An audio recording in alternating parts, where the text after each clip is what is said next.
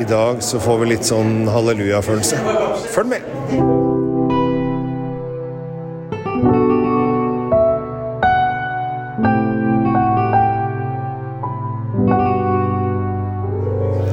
Hei hjertelig velkommen til eh, ukens episode av eh, Kjell Svinkjeller. Jeg tenkte at dette her er eh, bare en, en episode om det å kose seg og nyte vin i fantastiske omgivelser. Jeg er i eh, Siena eh, i Toskana. Har med meg 20 stykker på tur. Og vi er på en uh, Michelin-restaurant, og jeg har fått lov å gå ned i vinkjelleren for å snakke litt med dere. Dere hører litt støy i bakgrunnen, jeg håper ikke det forstyrrer for mye, men vi er da nede i kjelleren her. Og vi har eh, Vi startet kvelden her nede i denne eh, vinkjelleren. Det er egentlig ikke en vinkjeller, det er en gammelt, eh, gammel kirke, et gammelt kapell fra 100 år etter Kristus. Det er et kors oppå veggen her. Det er, det er ikke veldig stort rom, men kanskje en 7-8 meter. Eh, også er det formet som et Litt sånn på følelsen at du er på innsiden av et pepperkakehus. Det er brune vegger eh, som du ser de liksom har hogget ut av. Og hvis du tar på veggene, så er de helt fuktige og seige. Så det er 80 luftfuktighet her nede, og det er alltid 15 grader. Så eh, istedenfor å eh, henvende oss til Gud, så henvender oss til i og for seg vingudene. For her er da vinkjelleren til eh, denne restauranten. Og jeg tok med meg den vinen vi har fått til hovedretten, som er en Brunello de Montalcino 2017 fra Camigliano. Eh, Dette er vel ikke en vin vi får i Norge, så, men jeg syns vi må, må snakke litt om Brunello. fordi at eh, jeg satt oppe ved bordet her nå sammen med en av de vi har med på tur, han heter Bård fra Kristiansund. Veldig veldig hyggelig fyr. Og han hører også på, ofte på disse podkastene, så dette her kommer han til å høre når han er ute og jogger. Så hei, Bård. Eh, lykke til videre. Ikke slitt deg ut, og pass på helsa. Eh, og da snakket vi litt om eh, Brunello.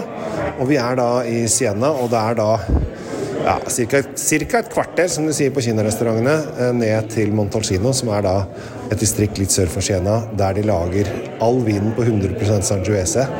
Og toppvinene kaller de Brunello, og uh, mer de lettere vinene, eller de enklere vinene, kaller de da Rosso de Montalcino. Men jeg syns det er det med vin og opplevelser. Det har så mye å si.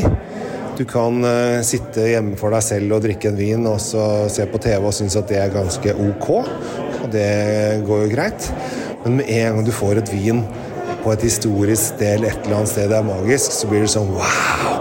Herregud, da blir vinen mye bedre. Og det er, det er noe i det, for det er atmosfære, venner, sosiale ting. altså du merker det også. Har du det veldig hyggelig sammen med folk du liker, så er vinen bedre. Sånn er det bare. Det skaper en eh, atmosfære. Det skaper kjærlighet. Det skaper eh, Altså, alt det sosiale rundt vinen er med på å skape vinen bedre.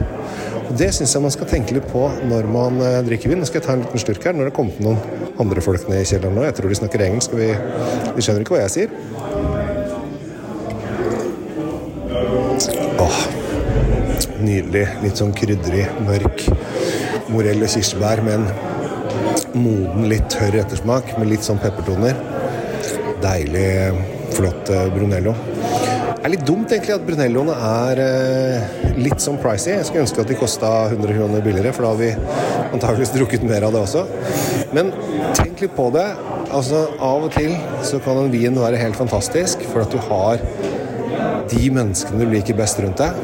De menneskene du setter pris på å omgås med. De er der, og plutselig er Å, det var fantastisk gøy, og folk smiler og ler.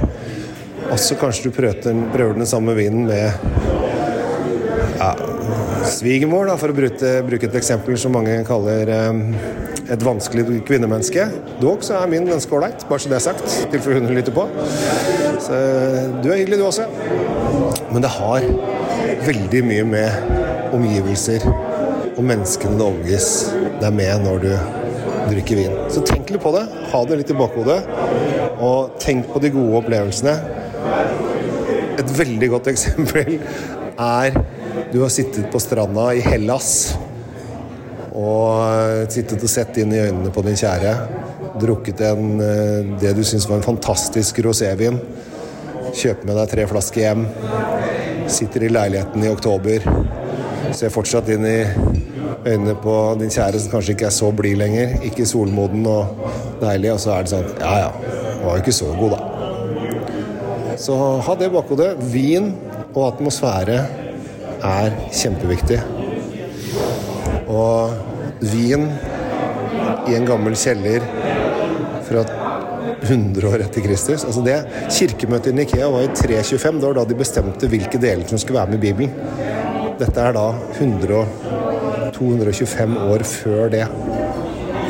Da var jo på en måte de kristne litt sånn forfulgt også. Det er ganske vilt.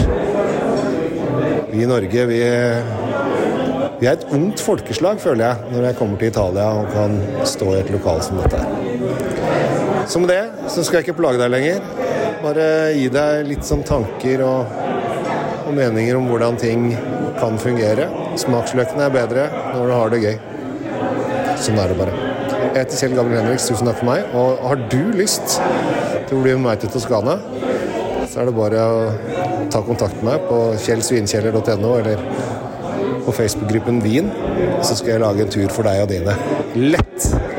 Og så kan du og jeg stå nede i kjelleren her og drikke vin og snakke sammen. Og oppleve vinen mye bedre enn det vi har gjort på en høstkveld hjemme i Norge. Takk for nå. Ha det bra.